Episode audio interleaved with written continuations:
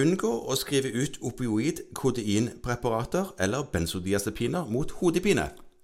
Ja. Ja, dette er det nevrologene som har meldt inn som en ganske viktig sak. ja og, og de har også meldt inn en ting til i forhold til, til eh, dette. Så de har to kloke valg på det med hodepinebehandling. Ja, de snakker òg om eh, at man eh, må tilråde Ho hodepinedagbok. ja, hodepinedagbok ja, Ja. når man skal utrede dette her. Ja, for, fordi at det som de sier at det er viktig, er at man må informere alle hodepinepasienter med alle typer hodepine om at man kan få det man kaller for medikamentindusert hodepine. Ja, medikament Overfor- overforbrukshodepine.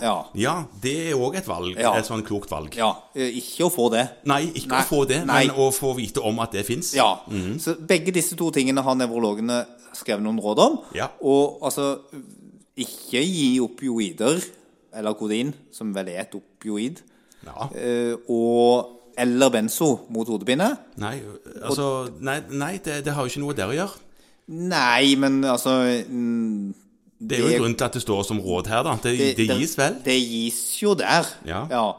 Det de skriver, er husk på at hvis paracetamol ikke fungerer, Mm. så er det NSIDES Ja. som bør prøves. Og hvis det heller ikke har effekt, Ja. så bør man vurdere Tripsaner Ja. hvis det er en migrene. Lignende hodepine, ja. Ja.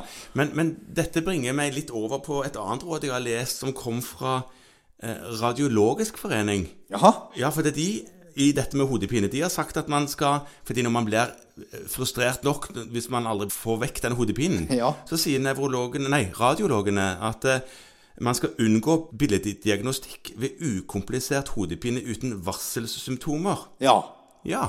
Så det er også et råd i denne sammenheng. Det er òg et råd, ja, som Ja. handler om hodepine. Og Da at kan man, vi jo legge til da, at nevrologene minner oss på at EEG har ingen plass i hodepineutredning. ja, så det er mye som går an å gjøre som har med hodet å gjøre, men man ikke skal gjøre når det gjelder hodepine. Nei, og da må vi jo si at, at når det gjelder varselsymptomer, da, så er det symptomer på f.eks.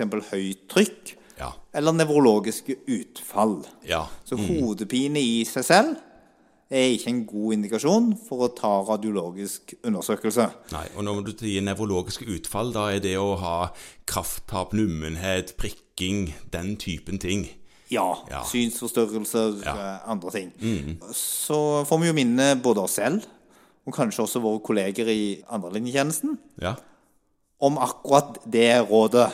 Ja, Fordi ja. at eh, vi kan vel av og til oppleve at, at i andrelinjetjenesten så er det også et sterkt ønske om å gjøre bildeundersøkelser.